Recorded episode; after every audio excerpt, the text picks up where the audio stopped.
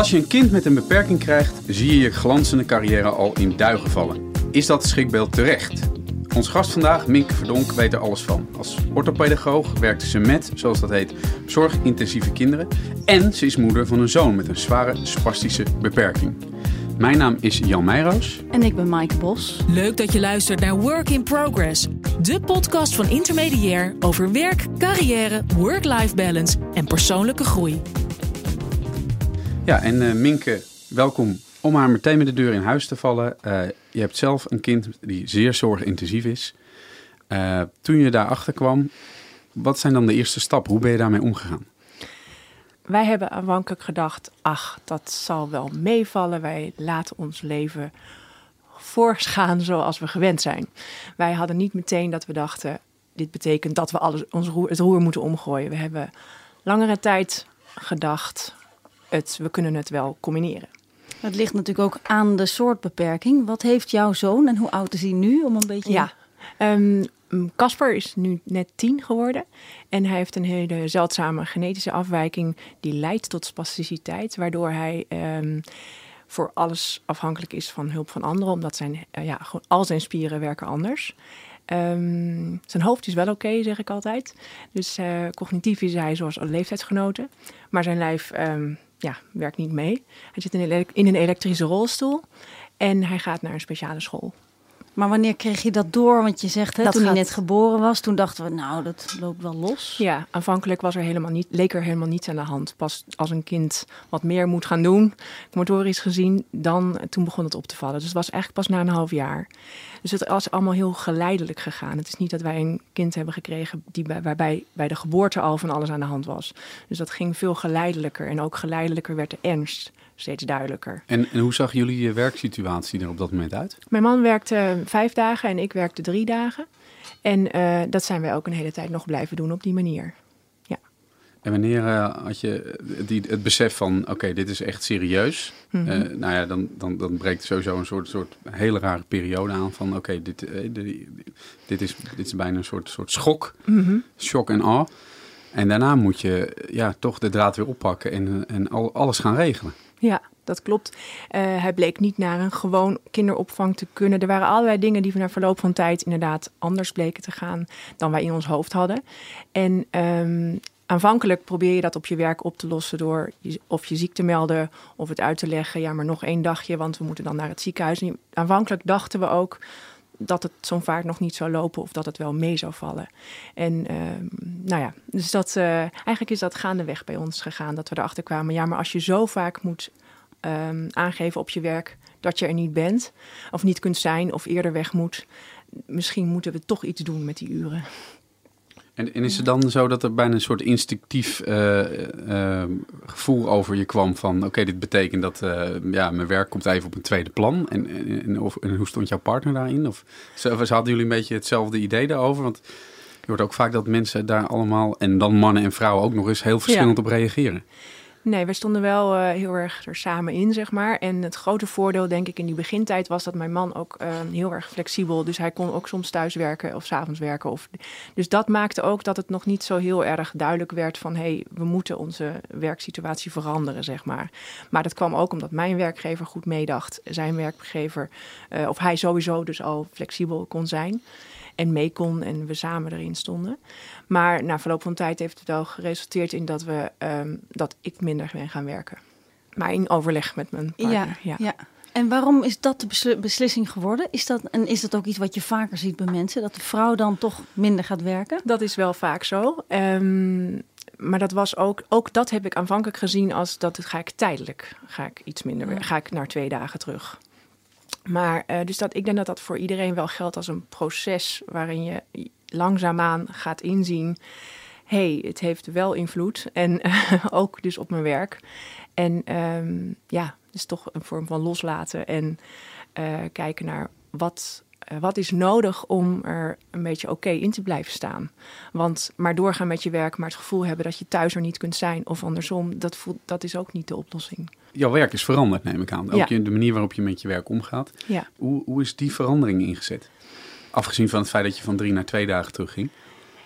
Um, en ging dat makkelijk eigenlijk? Was de, hoe ging, hoe, waar was de werkgever in deze uh, Ja, die was wel ruimhartig gelukkig. Ehm, maar ik vond het zelf wel. Ik heb het wel langere tijd moeilijk gevonden om niet. ehm, niet dat drie dagen was, omdat ik met projecten werkte, kon ik een volledig project draaien voor, op drie dagen. Maar op twee dagen kon ik dat niet meer doen. En dus ik moest een stap terugzetten. En dat vond ik wel moeilijk, want ik had niet voor niks voor die baan, of die studie gedaan en voor die baan geknokt. Dus dat, dat heb ik wel, ja, dat is wel moeilijk geweest. Maar het was ook een soort van, ja, ik, ehm, het leverde ook wel heel duidelijk iets op. Het maakte dat ik me dus niet meer ehm, in bochten hoefde te brengen en makkelijker alle afspraken die er rondom mijn kind nodig waren, ehm, kon inplannen. Dus dat gaf ook verlichting. Ja. Maar ik heb nooit op het punt gestaan, zoals sommige anderen, dat ze of gedwongen, dat ik gedwongen werd dat helemaal te moeten stoppen met werken, of dat ik dat zelf heb overwogen. Ik moest en zou blijven werken. Ja. Ook al was het dan de, wel minder. En was dat, een, was dat een soort oergevoel van... luister, er is meer dan alleen maar voor mijn kind zorgen als zodanig? Eh, Absoluut. eh, eh, Ja, ja. voor mij was dat heel erg Ik wil belangrijk. heel even weten wat het concreet was dat je deed. Gewoon om een beeld te krijgen. Ja, ik werkte als eh, onderzoeker bij een, een bureau wat allerlei projecten en onderzoekswerk doet op gebied van jeugdzorg en onderwijs. Ja. Dus eigenlijk mijn achtergrond ging, zat, ik, ik zat al in de wereld van kinderen waar iets mee was, zeg maar. Ja. ja. Maar het was vooral ehm, eh, training en eh, onderzoek en computerwerk. Dus ik bedoel, ik zat op een, letterlijk op een kantoor. Ja. Dat was het meest. Ja, en met twee dagen werken, dan de ene dag van de week moet je er even inkomen. En de volgende dag moet je er alweer uit, eigenlijk. En dan heb je niet een soort. ja, nee, en, ooit was mijn idee, ik, ga wer ik werk drie dagen en als mijn kind iets ouder is, ga ik weer naar vier dagen. Ja, Dat was aanvankelijk, maar dat was al heel snel bekeken. ja. Ja. Dat idee, je wil blijven werken, Ja. dat is heel sterk. En daar, daar wil ik het ook echt wel over hebben nog. Ja, Ehm, maar wat ik eerder nog even wil eh, doorvoeren, is dat idee van, oh, ja, god, dat komt dan in je leven. Ehm, en ehm, ja, wat je bijvoorbeeld hebt bij collega's, die maken een sterfgeval mee. En die zijn Ja. na een jaar toch wel weer door alle seizoenen heen ja. En er een beetje overheen. Mhm. En dan gaan ze weer op sterkte, volle sterkte door. ja. Maar een, een gehandicapt kind, dat is er altijd. Hè? Je Ja. hebt nooit vrij. Nee, dat is wel. ehm, dat is ook wel een van de dingen die ik had bedacht voor dit gesprek. Ik kan me nog heel goed herinneren dat er een ouder was op mijn werk en haar kindje overleed. Oh ja. Iedereen was in rep en roer, maar dat was een heel duidelijk verdrietig probleem. En zij werd overladen door aandacht. En heel bizar om te zeggen, en ook om destijds te voelen, die heb ik nooit op die manier ervaren. Want er was niet een voor of een na. Er is iets geleidelijk aan, is mijn leven compleet veranderd. En niet dat ik dat, het is niet bedoeld als vergelijking naar haar van, oh, jaloers, zij heeft wel aandacht gekregen en ik niet. Maar het is veel, het, het is een heel ander soort ehm, verlies wat je verwerkt. Want je noemt het levend verlies. Daar or- organiseer je ook congressen over. Mhm. Nou ja, daar Zo, zo zien mensen dat helemaal niet. Ik denk Nee. dat ze dat niet zo begrijpen. Maar het is een, een soort van verdriet om wat er is en wat er. Kun je dat uitleggen? Ja, ik, de, de term komt niet van mij, maar ehm, het staat wel voor ehm, het idee dat als je een kind hebt met een beperking, een forse beperking, dat dat niet iets is wat je op een gegeven moment afrondt qua gevoel, zeg maar. Dat kan ook als een kind vijf is of tien of twintig, kan dat nog even zo goed ehm, grote invloed hebben op hoe je je op dat moment voelt en issues en thema's waar je mee te maken krijgt. En dat gaat op die manier niet, eh, dat gaat, dat gaat niet over. Ja, en ik denk ook dat eh, het is sowieso een beetje een bijzondere podcast vandaag, omdat het ook een bijzonder persoonlijk thema is. Eh, ik heb zelf ook een zoon die zorgintensief is. Sebastiaan, eh, die is nu tien jaar. Die heeft een vorm van autisme. Hij heeft een zware ehm, ontwikkelingsachterstand. Hij praat heel beperkt. We weten eigenlijk niet precies wat hij heeft. Hij heeft, eh, door heel veel, is door een enorme malle molen gegaan, maar hij heeft een syndroom. Men denkt iets genetisch. Eh, om daarop in te haken op dat levend verlies. ehm, ik denk ook, je hebt als, als, als ouders heb je een soort ideaalbeeld van een gezin. Eh, en hoe dat gezin er dan uitziet. Of je nou één of twee of meerdere kinderen hebt. En als het dan opeens helemaal anders is. En je leven dus helemaal anders ingericht gaat worden. Waarbij eigenlijk altijd alles in minder, meer of mindere mate geketerd moet worden naar het, kind wat heel veel zorg nodig heeft. Dat, dat is in die zin een verlies van, van de idee wat je hebt. Dus je moet gewoon even alles loslaten. Een verlies van perspectief. Ja, ook, nou, eh. ja, en ook, eh, ja. ook een, ja, verlies. eh, het, het voelt echt soms wel een beetje als rouwverwerking. Mhm. Je moet echt verwerken dat, dat dingen gewoon heel anders zijn dan het, het gedroomde plaatje. En nou is het gedroomde plaatje is natuurlijk ook een, inderdaad een droom, want er is geen gedroomd plaatje. Dit is gewoon iets wat je altijd inderdaad met je meedraagt. En je weet ook gewoon dat je in, in bepaalde gevallen dat je kind bijvoorbeeld altijd zorg nodig heeft, dat je altijd erbij moet zijn. Ja, en dat heeft ook altijd weer impact op de rest van je leven en dus ook op je werk. En ehm, nou goed, daar, daar zullen we het straks ook nog wel even over hebben. Dat het, ja, dat het goede collega's en, en begrip en steun van je werkgever zijn daar echt bepalend in. Alles Ja. bepalend. Als, als, ja. Openheid net zo goed. Ja. Want ik hoor ook veel van ehm, ouders terug. Omdat ze zo graag willen dat het, dat het nog een beetje hetzelfde blijft zoals ze gewend zijn. Blijven ze ook op hun werk vaak net doen alsof het nog wel gewoon door Ja. kan gaan. Oh, en ja. het delen met je werkgever dat het zoveel van je vraagt. En niet alleen maar omdat je naar een ziekenhuis moet. Of omdat je, maar ook omdat je gewoon doorwerkte nachten hebt. Of eh, omdat het gewoon qua energie en emotionele belasting zwaar is. Als je er even doorheen zit. Dat je er even doorheen zit en dat je dat durft te delen. En dat je durft te kijken en ehm, met elkaar in gesprek kunt gaan over hey, welke oplossing kunnen we vinden voor de korte termijn. Of is er misschien voor de lange termijn iets anders nodig?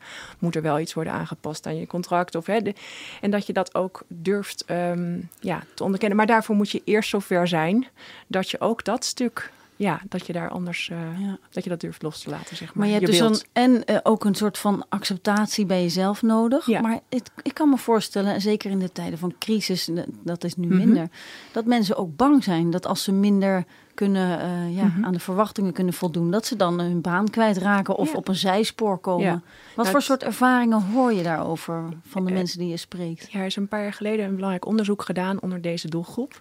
En het blijkt echt dat ehm 75% minder is gaan werken. Ja. En ehm, dat is fors. Eh, daarnaast is 60% ehm, heeft een burn-out gekregen of is overwerkt geraakt. Dus het, het is een groot thema. En ehm, het is een groot thema aan de kant van de ouders, maar het, het zou wat mij betreft ook een iets groter thema mogen zijn aan de kant van de werkgevers. Het, het in de gaten hebben wat er voor extra belasting op deze ouders rust. En ja, hoe belangrijk het is om mee te denken om ze overeind te houden. Want omdat eh, werk zo ongelooflijk fijn is als je dat kunt blijven doen, omdat je dan inderdaad niet alleen die mantelzorger bent. Niet alleen maar, want dat, je bent natuurlijk gewoon in die first place ouder. Maar je wordt ook een soort, je bent ook een therapeut van je kind. En je bent ook de pleitbezorger en de mantelzorger en de advocaat. En de, je bent van alles geworden op, op den duur. Althans, als het om een wat zwaardere beperking gaat, dan spelen er ongelooflijk veel. Ja, je krijgt heel veel rollen. Je krijgt eh, heel veel meer rollen. Erbij Ja. die een, een tussen, die tussen haakjes maar weer een normale ouder inderdaad niet, Ja, eh, niet niet, niet, krijgt. zo snel kan krijgen. En dan is het een verademing. En zo heb ik het persoonlijk heel vaak ervaren. Ik wil er even helemaal niks mee te maken hebben. Laat Ja. mij maar gewoon mijn werk doen. Ja. En ook tot op de dag van vandaag is voor mij een weekend of een vakantie is eerder werk Ja. dan mijn werk. Werk Ja, is. Dat is niet ontspannen. Oh, lekker weekend. Absoluut niet. Nee. Nee. Ik geniet en ik ben ongelooflijk gelukkig met mijn zoon en ons gezin. En ik heb helemaal omarmd wat dit leven, dit andere leven van mij vraagt. Maar ehm, nee, het is niet. Mijn werk is meer ontspannen dan Ja. mijn privéleven. Tja. Ja. Kun je nagaan hoe belangrijk dat is, hè? Hoe is dat dan voor jou, Jan? Dat ik dat zo... nou, Ja, zeker. Eh, kijk, ik heb altijd, eh, ben altijd, eh, ik zeg altijd kleine zelfstandige, ben altijd freelancer geweest. En daardoor heb ik mijn werk altijd wel goed kunnen combineren met deze uitzonderlijke tijdssituatie. Omdat ik ook altijd veel werk, veel thuis werkte. Nou, nu in mijn huidige baan bij intermediair werk, dat vraagt van mij dat ik in ieder geval twee dagen daar op kantoor ben. In een, een vorige functie met een groot project had ik dat ook. Er is veel begrip eh, bij, eh, bij collega's en, wer- en werkgevers eh, vooralsnog. En ehm, ja, de, de, ik ben wel blij dat de, de traditionele vijf dagen per week prikklokmentaliteit sowieso wel een beetje achter ons ligt. En ja, als je werk gedaan is en het werk is goed, dan zijn mensen altijd snel tevreden. In die zin, dan, dan zijn ze blij en, en in combinatie met begrip. En dat vind ik wel heel fijn. Blijft het feit dat ja, op het moment dat Sebastian wordt altijd smiddags thuisgebracht tussen half vier en vier. Ja, eigenlijk als hij bij thuis is bij mij en ik heb nog de illusie dat ik achter mijn laptopje nog wat kan doen. Ja, dat is eigenlijk gewoon, dat, is- dat is eigenlijk gewoon, dat is, dat is inderdaad een illusie. Want hij vraagt gewoon heel veel aandacht. En Ja. hij, hij, ja, hij kan zichzelf ook moeilijk vermaken. Ik moet hem echt ergens toezetten. Ja. Ja, dan ben je eigenlijk gewoon van vier tot zes tot, we gaan, tot het avondeten ben je dan gewoon ehm, met hem Ja. bezig. En ik kan dan s'avonds uh, van acht tot tien nog wel even achter mijn laptopje kruipen. Uh, dus op die manier kom ik wel, uh, komt alles wel, wel rond. Maar ja, het, het, het- doordat ik freelancer ben al mijn hele leven, is, is het toevallig zo uitgekomen dat ik dit wel goed kan combineren. En hoe is dat dan bij jou, Minke? Want jij had dus dat onderzoeksprojectenwerk. En hoe anders is het nu wat je nu doet? Nou, ik heb op een gegeven moment na lang twijfel besloten om ehm, de expertise die ik als professional heb te combineren met de expertise die ik inmiddels als moeder heb. En dat te combineren en ehm, eigen praktijk. Toen ben ik een eigen praktijk begonnen, waarbij ik ouders en professionals ondersteuning en begeleiding bied om ehm, door het boom het bos te zien, te blijven zien. En dat betekent dat ik heel praktisch, op heel praktisch niveau soms ouders kan ondersteunen. En, maar ook betrokken ben nog steeds wel bij onderzoeken. Ja. Allemaal die met deze doelgroep te Ja, maken het hebben. is hartstikke mooi hè, hoe, jij dat, eh, hoe, hoe jij al die ervaringen bundelt. Mhm. Maar ik zit ook te kijken, je lijkt zelf wel dag en nacht te werken. Ik heb het even opgeschreven. Je biedt aan om als sparringpartner een tijdje met mensen mee te lopen. Je komt s'avonds bij mensen thuis. Je schrijft een boek. Eh, een gids met tips. Je organiseert congressen. Je adviseert professionals. Je adviseert ouders. Je geeft trainingen en je doet onderzoek. En ondertussen heb ik heel goed geleerd om mijn eigen energie eh, goed in de gaten te houden. Want dat doe ik zeker niet Ja. allemaal tegelijk. Nee, ik smeer heel erg uit. En ik heb heel erg geleerd om ehm, blij te zijn met wat ik kan bereiken in kleine stapjes. Want alles wat je nu opzomt, het klopt. Maar dat, dat, dat doe ik over een langere tijd. Ja, Dus dat, eh, ja. Maar zelfs een tijdje geleden nog moest ik nee zeggen. Had ik ja gezegd tegen een project. En toen bleek toch dat thuis heel veel vroeg op dat moment. En dat heb ik dat project terug moeten geven. En dat kostte me nog steeds heel veel moeite. ja. Dus ook al weet ik het in mijn hoofd wel dat het oké is en belangrijk is om, eh, om te doseren, heel erg te doseren. ja. Dat is toch niet iets wat, ehm, wat geen moeite meer kost, Ja. zeg maar. Waar ik nog heel even op terug wilde komen, is dat er ook veel ouders zijn met een zorgintensief kind die geen enkele keus hebben. Ik had een keus om te blijven werken, omdat mijn zoon op een gegeven moment wel naar school ging. Een speciale school desondanks, maar hij ging naar school. Hij kan ook opgevangen worden door andere begeleiders, door PGB'ers, noem maar op. Ehm, maar er zijn ook best heel veel kinderen die helemaal niet naar school kunnen of heel vaak in het ziekenhuis zijn of niet zo makkelijk door behalve een ouder door iemand anders begeleid of ondersteund kunnen worden. Dan heb je geen keus om te stoppen met Ja. werken. En ehm, eh, dat, dat levert wel heel vaak pijnlijke situaties op, omdat mensen dan echt hun carrière helemaal stop moeten leggen. ja, ja. En dan, als ze geluk hebben, kunnen ze zichzelf betalen vanuit het persoonsgebonden budget. Waar uiteraard iedereen heel blij mee is. Maar wat ook heel awkward voelt. Want hoezo zou je jezelf betalen? Want het is toch jouw kind? Dus dat is ook een heel ingewikkeld ehm, thema. Of dat kan ingewikkeld voelen voor ouders. En ehm, ja, als dan op een gegeven moment er een andere situatie ontstaat. Of het kind overlijdt. Dan heeft die ouder dat maken we dus, maken we dus ook mee in mijn praktijk. Dan heb je een ja. tijd niet kunnen werken. Je denkt op een gegeven moment wel weer te kunnen werken. En levert Oh, allemaal ingewikkelde, op werkniveau, inge- Ja. ook ingewikkelde situaties op. ja. Ja. Work in progress. Maar ik zag dus ook bijvoorbeeld iemand bij de gemeente Amsterdam was eh, eh, de, de, de hoofdjurist. en ehm, haar tweede kind had een chromosomale afwijking en, eh, en, en ze stopte dus met werken. Maar ze heeft nu al haar ervaringen weer ingezet om een praktijk voor, hoe heet het? Voor verliesbegeleiding op te zetten. Hm. Eigenlijk een beetje dat levend verlies idee. En die schrijft blogs en zo en daar hebben mensen wat aan. Dus dat is natuurlijk ook wel Dat heel zie je vaker. Ja. Dat zie je vaker. Maar wat ik wel heel veel terughoor en lees van over ouders die in deze situatie zitten, is dat ze eerder uitgenodigd worden om na te denken over wat ben ik eigenlijk aan het doen? Welk, wat voor is mijn werk? Is dit werk wat ik doe nog wel het werk waar ik gelukkig, me, gelukkig van word? En ik, ik, het is opvallend hoeveel vaker deze ouders dus aanvankelijk omdat ze gedwongen worden, maar volgens mij is het heel positief. Omdat je eerder gaat dichter bij jezelf komt en gaat voelen waar gaat het nou eigenlijk om in het leven. Ja. En mijn spaarzame energie die ik heb voor werk, waar ga ik dat werk? Dus als je die mogelijkheid hebt, oh, zie je vaak dat mensen iets anders gaan doen. En, en ook letterlijk iets gaan doen met dat wat zij meemaken. Dus een beetje zoals ik ook heb gedaan. Ja. Alhoewel ik al in de wereld zat, maar dat hoor je Dus je wel hebt vaker. echt nog gefocustere werknemers als je zo iemand in huis hebt, hè? Nou ja, dat, ja nou, kijk, ik denk wel, hè, we hebben het ook denk nu een beetje over relativeren. Ehm, Tegelijkertijd kan ik ook nog steeds heel geïrriteerd raken als ik uh, in de file sta, bij wijze van spreken. Maar het, het, het, als je gewoon even heel altijd weer teruggaat naar, uh, naar je basis, naar je, je gezin, uh, je, de mensen waarvan je van houdt, je kinderen.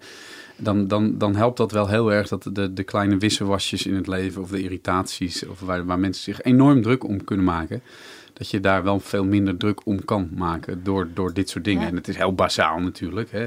En, en ook dat gaat op een gegeven moment wel weer over, want uh, we, zijn allemaal mensen. Maar je, je merkt wel dat je kan wel veel makkelijker over dingen heen stappen als ik, als ik naar mezelf kijk.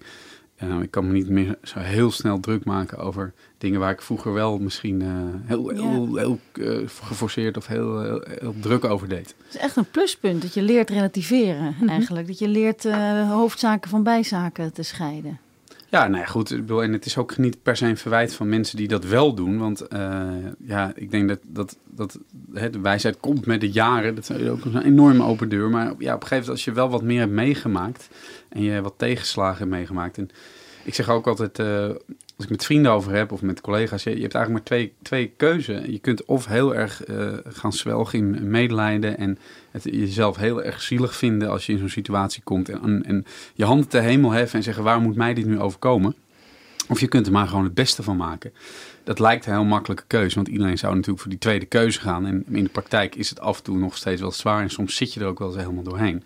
Maar je moet gewoon door. En, um, en, en, en goed, lekker in je vel zitten op je werk is daar een enorm belangrijke stimulans uh, van. Ja. En ook gewoon dat nog steeds wel belangrijk genoeg vinden. Dus ook zeker niet doodrelativeren je werk. Uh, wil ik ook meteen meegeven. Want als je gaat denken, oh ja, het is mijn werk en uh, thuis is het allerbelangrijkste. Tuurlijk, het is mijn werk. Maar tegelijkertijd, als je goed voelt op je werk en je kan daar ook prestaties leveren en meewerken aan leuke projecten of uh, uh, iets nieuws uh, verzinnen of samen iets moois afronden, ja, dan, dan, dan, voel je je goed en dan ben je thuis ook weer sterker. Dat is absoluut de reden waarom ik werk. Ja, ja dat is echt noodzakelijk. Om de rest ook als een soort van buffer. Dat klinkt een beetje. Dat, ik bedoel oh, ja. dat niet negatief, maar voor mij is om ook te kunnen werken is enorm ja, houdt het wat meer in evenwicht. Ja. ja. Nee, want, want inderdaad, het is ook een bron van eigenwaarde. Het Absoluut. is ook een bron van waar je je eigen ideeën in kwijt ja. kunt. En mijn idee om nog het gevoel sterk te houden dat ik meedoe met de rest van de maatschappij. Ja. Want dat is ook nog wel iets wat ik wilde zeggen. Veel van deze gezinnen, en dan met name de moeders, die vaak dus de, zorgende, de grotere zorgende rol thuis hebben, die voelen zich eenzaam. Hun leven is veranderd en die zorg, de, hun wereld draait heel, heel veel om dat kind. En dat maakt soms eenzaam. Dus als je dan nog die link naar de, naar, naar de maatschappij meer hebt met werk, als je die mogelijkheid hebt, dan, dan is dat een enorme pre voor ouders. Ja.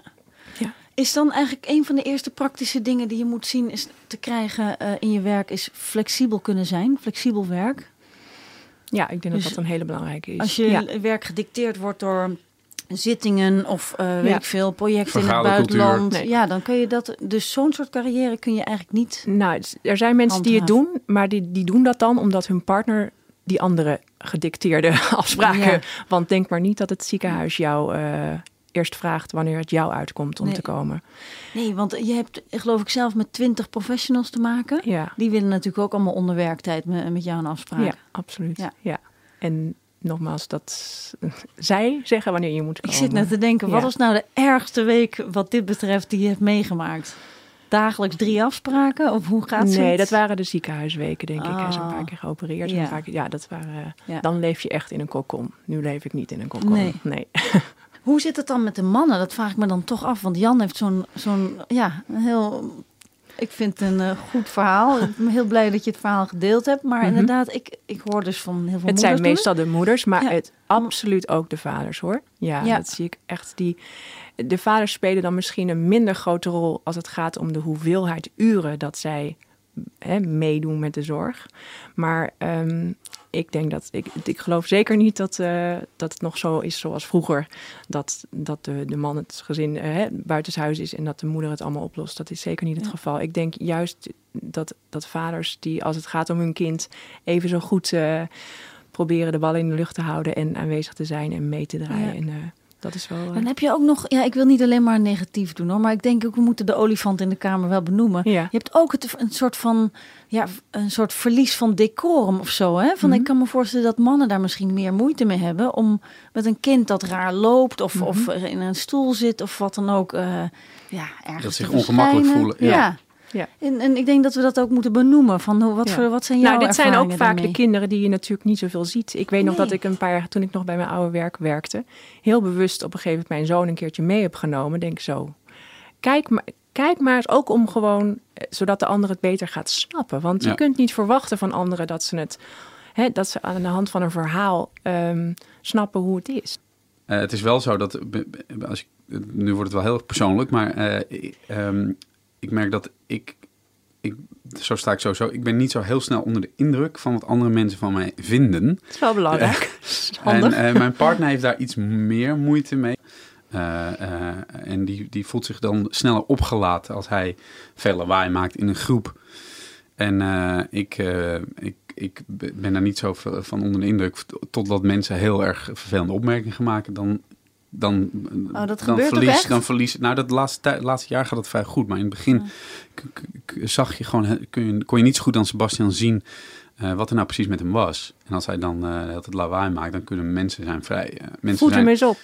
ja, of kan dat kind niet, kan dat kind niet even zijn mond houden of zo. Ja, dan. Dan, dan, dan, dan gaan bij mij de stoppen door. Dan ben ik heel onaangepast. Eh, Hoe is dat bij jou? Want eh, ja, je kunt ook denken, wendt die blik van de ander ooit? Hoe, hè, hoe ziet dat ja, er bij hij jou went uit? wel. Ja. Maar ik denk dat, eh, dat het heel erg ook in zit in dat de ander, de ander heeft heel vaak geen idee. Dus ook mensen denken heel vaak dat ons grootste probleem die rolstoel is. Of dat aangepaste huis. Of dat, terwijl dat is echt, dat zijn de least of my problems. Het, is veel, het zit hem veel meer in dat ik me zorgen maak over of die ooit ergens kan gaan wonen. En wie gaat er dan voor hem zorgen. En ik bedoel, het gaat om hele andere thema's en hele andere dat ik niet meer op vakantie kan naar het vakantiehuis in Spanje omdat er vier hulpmiddelen mee moeten. Het gaat om, het voert vaak te ver om de impact en de, ja, de heftigheid. En, de, en terwijl dat juist zo nodig is dat de ander jou wat meer begrijpt. Ja. En dat, is, nou, dat geldt dus ook voor op je werk. En dat is heel fijn om het daar soms over te kunnen hebben. En mensen te treffen die echt oprecht geïnteresseerd zijn en iets meer willen weten over hoe jouw leven er dan uitziet. Work in progress. Eh, je hebt een boek geschreven dat heet Oog voor jou. En dat gaat dus ook echt over van kijk eens naar die ouders. Hè, wat, Mhm. En je hebt dan zes van die, volgens mij, zes van die misverstanden over leven met een kind met een eh, beperking. En eentje daarvan is ook bijvoorbeeld ouders redden het wel. Dat is ook zo'n misverstand. Een Hè? misverstand, ja. Het boekje staat vol met allerlei ehm, dingen die je zou moeten weten, durven en doen. En niet alleen maar een, aantal, een hele reeks tips voor ouders, maar ook hoe professionals naar deze ouders kijken en wat zij zouden moeten, we- moeten tussen aanhalingstekens, moeten weten, durven en doen. Het is 50-50 Het is opgedeeld. hè? 50-50, ja. En het- ik heb het geschreven. eh, ik heb beide partijen geïnterviewd, beide doelgroepen geïnterviewd. Met eh, het idee dat het ehm, belangrijk is dat deze groepen elkaar wat beter zien. En dat er meer verbinding komt. Omdat het toch nog te veel of regelmatig voorkomt dat het wat aparte werelden zijn. En dat idee van dat je dus het zelf wel redt, dat is ook zo'n misverstand. Vragen Ja. om hulp. Ja. Je hebt al gezegd, vragen om begrip bij je werkgever. Maar ik zit ook te denken van wat heb je dan zo'n werkgever te bieden eigenlijk? Hè? Want er is een grens aan hoeveel ze je kunnen geven. Op een gegeven moment zeggen ze toch, ja, dit, eh, dit kan niet. Of Ja. ja, nee, we kunnen niet op je rekenen. Wat, wat heb je nou aan meerwaarde ook als je deze achtergrond hebt? Ik denk dat als je zo bewust kiest om te blijven werken, ondanks dat het veel creativiteit van jezelf vraagt, is dat je eerder een meer betrouwbare werknemer bent dan een minder betrouwbare. Omdat je ehm, je wel drie keer af moet vragen of je het er wel voor over hebt. Hè? Of je die ballen allemaal in de lucht wil blijven houden. Ehm, maar het heeft heel veel met openheid te maken van beide partijen, denk ik. En de wil om mee te denken. En ehm, ik heb veel mooie verhalen gehoord, maar ook wel uh, schrijnende verhalen. Ja, soms Maar moet je ook. wat mooie verhalen die je hebt gehoord. Nou, dat, is- dat zijn toch wel meestal de verhalen van de mensen die ehm, eh, iets anders zijn gaan doen. Wat dichter bij ze lag en meer bij ze paste. Ik denk dat dat een heel positieve. En dat is niet per se altijd, in, eh, om het even gechargeerd te zeggen, per se werken in de softe sector. Nee, absoluut niet. Nee, Waar, waarbij sowieso al wat meer begrip is. nee, Eh, nee, nee. Kijk, nee. Ik, ik denk dat, dat het. Kijk, ik bedoel, ik hoef, ik hoef natuurlijk niet bij, eh, een advocatenkantoor op het Zuidas te gaan aankomen van... ja jongens, ik moet om half vier naar huis, want eh, mijn zoon wordt zo thuisgebracht en dat vijf dagen in de week. Maar wa- wat voor ander werk dan? Is het echt volledig het roer om of is het Ja, dat hoor ik wel best regelmatig. Ja, dat mensen toch meer na verloop van tijd, hè, niet, niet in die eerste rollercoasterjaren, maar na een aantal jaar, dat ze meer gaan nadenken van, maar wat wil ik nou eigenlijk? Dus eigenlijk dat wat alle 40-plussers sowieso wel eh, op den duur wel eens doen, Ja, we- wat- doen zij nog eens iets, iets vaker. Dat is een beetje de indruk. Eh, is het ook zo dat met eh, zo'n kind dat je daar dan ook praktischer van wordt in je werk? Dat je effectiever wordt? Ik denk het zou in zekere zin wel, omdat je zo ongelooflijk vaak eh, moet schakelen en moet anticiperen en moet organiseren en anderen moet aansturen en eh, overleggen hebt. ehm, dat je denk ik wel meer dan je anders gewend zou zijn, daar beter in wordt. Ik zie allemaal Ja. van die competenties die in, eh in vacatureteksten staan. Anticiperen, aansturen, overleggen. Communicatie is natuurlijk altijd een probleem. Ja, en altijd een, heel vaak een probleem, dat Ja. klopt. Ja. Maar ik weet zeker ook hoe belangrijk het is om te kunnen schakelen. En dat is ook wel iets wat je in veel banen ook goed moet kunnen. Ik moet heel snel kunnen schakelen en heel vaak diplomatiek zijn en om dingen voor elkaar te krijgen. En ehm, dat is een Ja, mooie dat skill. zijn wel, Die- dat eh, zijn skills die, waar je altijd wat aan hebt. tegen heug en meug Ja. soms hoor. We willen dank, maar eh, ik ben er wel be- veel beter in geworden. Ik, ik, heb, ik wil je nog een voorbeeld voorleggen. Dat Ja. was van die mevrouw die ik net noemde. Leontien Sauerwijn heet ze Ja. trouwens. Dat was die mevrouw die ooit advocaat was. En Ja. eh, haar zoon is, wat is het, tien of elf. En haar, haar gehandicapte dochtertje is vijf of inmiddels Mhm. zes. En ehm, ja, ze dachten echt, heet het van god. Hè, dat, dat meisje, dat daar, daar vieren ze elk klein stapje. Ze kijken gewoon, wat doet ze vandaag? En we- ze nemen haar helemaal zoals ze is. Mhm. Maar bij haar zoon, die wel eh, gezond is, zeg maar, Ja. daar leggen ze de lat hoog. En daar, eh, weet je, uiteindelijk krijgt dat meisje allemaal complimentjes over dingen die, ja, waarvan hij denkt, ja, dat, eh, dat kan ik al lang. Ja. Maar waar blijft mijn aandacht? Hè? Ja. En, en door deze situatie besefte zij dus hoe ze eigenlijk dat gehandicapte kindje neemt voor wie ze is. Mhm. En hoe ze haar zoon eigenlijk opstuwt. En Ah. eigenlijk soms ook wel eens zou moeten nemen zoals die is. Ja. En dat kan ik me ook voorstellen dat dat in, ook in teamwork, waar we ook een podcast over hebben gehad, dat dat een goede eigenschap is. Dat je beter leert kijken eh, wat mensen eigenlijk van zichzelf meebrengen. Hm. Herken je dat? Nou, dat Ja. herken ik wel. Niet, ik heb ook twee kinderen, maar zo kijk ik niet naar mijn kinderen. Ik heb juist een deel van de tijd die ik nu niet besteed aan werk, die besteed ik heel bewust aan mijn andere kind. Dus dat is ook een van de redenen waarom Ja. ik minder werk, is om meer tijd met haar bij, eh, door te kunnen brengen.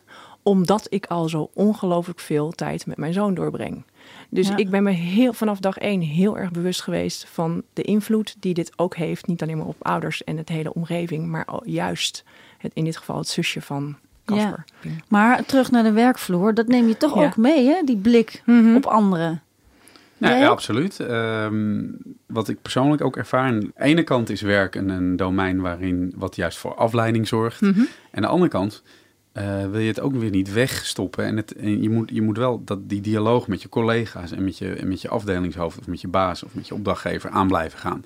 Dus dat is best wel soms een lastige balans. Ja. Als ik naar mezelf kijk, ik werk met best wel veel mensen, best wel een groot team. Niet iedereen is even geïnformeerd eh, en op de hoogte. Maar soms heb je ook echt geen zin om het erover te hebben. Nee. En soms heb je juist wel weer zin eh, om het erover te hebben. Maar dan zijn je collega's weer heel erg druk met andere dingen. Dat herken ik Dus heel dat is erg. echt best, Ja. dat is echt lastig. En dat is lastig voor de omgeving, want Ja. soms dan denk ik, "God, ze- waarom vragen ze niks? En dan vragen ze eens wat. Dan en je, dan denk je, ik wil het er niet over hebben.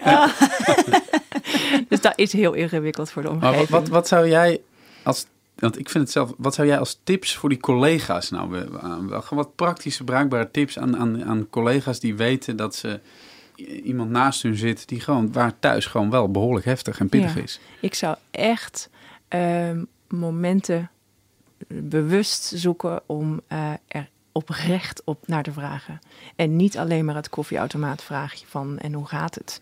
En ook niet alleen maar naar vragen naar de meest voor de hand liggende ehm, ja, aspecten die eh, moeilijk zijn. Maar het is juist zo fijn om soms ehm, iets te kunnen loslaten over wat het eigenlijk met jou doet. Want het gaat ook meestal over het kind zelf en niet wat het met jou doet als persoon, als Nee, ouder. Ja, dat is ook wel eens iets wat vergeten wordt. Het gaat vaak over het kind en niet over de, de, de persoon. eh, ja. Ja, de ouders. Ja. Er schiet me nog iets te binnen. Ehm, nog een ander verschil voor de ouders en dus de werknemers die een kind hebben met extra zorg. Op het moment, mijn zoon zit, gaat nu naar groep 7. Ik zie alleen maar om hem heen ehm, kinderen van groep 7 die juist minder van hun ouders vragen en juist meer de wereld ingaan. En waardoor de ouders letterlijk meer tijd hebben voor zichzelf. Die ehm, verandering, die, die gaat bij mij niet komen.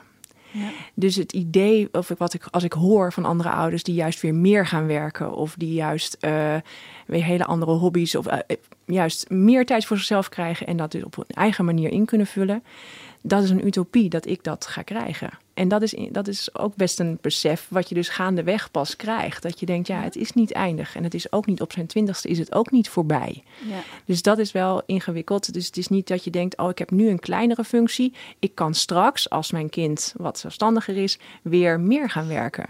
Die optie hebben deze ouders vaak niet. Ja. En dat is, eh, ja, dat is ook best een ingewikkeld Best een besef. pil om te slikken. Ja. ja, ja. ja. Ja, nou, een ander ding wat ik zelf ook wel zie is dat...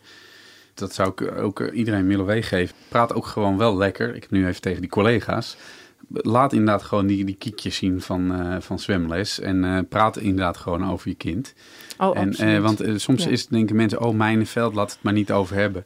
Of ze, zijn heel enthousiast en tijdens zo'n gesprek komt er een soort besef daal dan in. Oh ja, wacht eens even, hij heeft een kind waar dat eigenlijk helemaal niet speelt en die kan dat helemaal niet. En dan gaan ze zich schuldig voelen.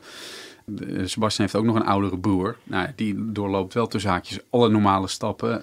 Dus eh, eh, ik kan daar ook gewoon over meepraten. Nou, jij hebt ook nog een, een, een Ander kind, ander, ja. ander kind, dus dat, is- dat is ook fijn. Eh, Het moet geen taboe zijn. En ik denk dat je misschien het initiatief bij de persoon zelf moet eh, leggen. Maar het ook niet uit de weg moet gaan. En Nee. Anders moet je gewoon zeggen van, nou, letterlijk, ik heb nu even niet zoveel zin om erover te praten. Nou, maar als je nou gaat solliciteren, moet je dat dan zeggen bijvoorbeeld? Nee, dat moet je niet doen, denk ik. Maar je mag het doen. Maar het is net Ja. zo goed. Dat is, dat is, volgens mij is dat niet per definitie anders dan eh, als je niet een zorgintensief kind hebt. Nee, Ik bedoel, ja. het is aan jou om te zorgen dat je wel of niet eh, Ja, aan en- de, en het daar- werk kan voldoen. Ja, en da- als jij, als jij inschat dat je dat zo kun, zou kunnen doen, dan eh, ja. Maar ja, ik ben, wat heb ik al eerder gezegd, ik ben wel voor openheid. Dus ik zou het wel doen. Maar het is niet een must van je, want ja, je weet niet hoe het leven gaat. Nee. En het kan ook in fases meer van je vragen dan in andere fases. Het is, het is per situatie. Ik heb, het, wel ik heb wel, geze- eh, wel bij, de, bij mijn vorige grote klus heb ik het wel gemeld. Eh, omdat eh, dat was een, een uitgeverij en een, een magazine en website waar ik al heel lang voor freelanced. En in, in, die, in die periode hebben ze meerdere keren gevraagd of ik hoofdredacteur wilde worden. Dat wilde ik in die voorgaande keren niet, omdat ik dacht, ik vind dat freelance gewoon veel te, veel te fijn. En, en toen het een keer ter sprake kwam dat ze het me vroegen, toen heb ik wel gezegd, nou dat wil ik wel, eh, op, wel op, op ZZP-basis. Maar besef wel, ik kan hier niet vijf dagen in de week zitten, Ja. want mijn privé eh, situatie. En daar, ook daar moet ik zeggen, is daar heel coulant mee omgegaan. En hebben, zij hebben mij toen echt wel alle vrijheid eh, geboden om zelf tijd in te, in te delen en heel flexibel daarmee om te gaan. Dus openheid is de grote Ja, tip eigenlijk, hè? ja, dat is echt heel Ja. belangrijk. Ja. Vind jij ook dat een werkgever, eh, weet je, het is, het is druk, er moeten targets gehaald worden, eh, een team moet aangestuurd worden. Is altijd wel wat. Eh, dat een werkgever daar nou meer oog voor zou moeten hebben als hij weet dat binnen een team iemand zit die thuis nog een, Ja. een flink portie op zijn bord heeft. Ik denk absoluut dat het belangrijk is dat er meer ehm, actief naar gevraagd wordt. En het is in het belang van de werkgever dat de werknemer overeind blijft. Dus ik geloof dat, het, dat je er geen goed aan doet om eh, net zo lang door te gaan ehm, en weinig mee te denken. Omdat het enige uitkomst die je dan hebt is die burn-out van die 60%. En daar Ja. zit niemand op te wachten. 60 procent. Ja, ik zit nog een ander idee te bedenken. Een bedrijf dat ik ehm, niet zal noemen, had een eh, Bring in Your Parent Day georganiseerd. Oh. Ehm, ik Bring zat, in your child. dat zit ik te denken. Dat is ook best een tip om eens een keertje een dag iedereen zijn kind te laten meenemen. Nou, of ik, kinderen. da- da- daar zeg je wat. Ik, had, eh, we- ik ben wel eens in de situatie geweest dat er dan dus eh, vanuit een werkgever, een opdrachtgever, een Sinterklaasfeest eh, georganiseerd werd. Oh ja. En dan, dan zat ik toch van, ja, moet ik... eh, hm, hm. Dat heb ik toch niet gedaan. Omdat ik dan Ja. op dat moment dus even geen zin Nee. erin had in dat... eh, Dan voelt het misschien een beetje als aapjes kijken of zo. ja, terwijl hij, Sebastian, ik vind het fantastisch. Het, ga- het, is niet, het gaat in april en mei ook nog over Sinterklaas. Ja, dat is eh, misschien heel leuk gevonden. Dus, eh, eh, maar dan soms kies ik ook wel gewoon voor mezelf. ja, heel Ja. goed, heel goed. Ja, dat, Dat geef zo, ik die ja. ouders altijd mee. vergeet vooral jezelf niet. Ja, Want als je even niet oplet, gaat het vooral over je kind. En eh, ja. Maar er zijn natuurlijk ook mensen die, die, die, die zullen zeggen van ja, wat egoïstisch dat je nog een carrière wil nastreven. eh ga het gewoon thuis voor je kind zorgen. ja, dat wat, wordt wat, wel. Wat, zeg je, wat zou je zeggen tegen die mensen? Ja, Ja, toch weer van- terug bij ehm, dat, je, dat je moet voorkomen dat je te ver van jezelf afraakt. Want als jij zelf iemand bent die het heel fijn vindt om te werken, wie ben je, wie word jij dan als je dat niet meer kunt doen? En ehm, ja, ook heel cliché, maar als je niet goed voor jezelf zorgt, hoe kun je dan goed voor je dat kind zorgen? Alleen eh, het komt inderdaad nog wel eens voor dat eh, werkgevers zeggen van nou, het moet nu maar eens klaar zijn. Die heb ik ook. Ja. Als, er, als je een kind krijgt met extra zorg, dan wil je alles voor dat kind doen. Maar uiteindelijk moet je ook voor jezelf gewoon goed zorgen. En als dat betekent dat je, dat je ander werk gaat doen, of dat je juist minder gaat werken, of een tijdje niet gaat werken en daarna wel weer. Je moet daar goed naar luisteren, naar dat gevoel. En hoe mooi is het niet als, als je dan je werk zo leuk vindt dat dat jouw, jouw afleiding is? Dan Ja. wat voor van, eh, ja, Ja. energieke werknemer eh, heb je dan niet in huis eigenlijk, hè? Ja, Als werkgever. absoluut. Nee, absoluut. Iemand die er zo zin in heeft, omdat hij zo blij is dat hij eindelijk weer mag werken. Fantastisch. Eh, dankjewel Minke. Dit was Work in Progress. Bedankt voor het luisteren. En binnenkort hebben Mike en ik weer een nieuwe podcast voor je. Tot de volgende keer. Wil je meer weten over dit onderwerp? Check dan regelmatig intermediair.nl. Voor tips over werkplezier, carrière, work-life balance en persoonlijke groei. En abonneer je op onze nieuwsbrief.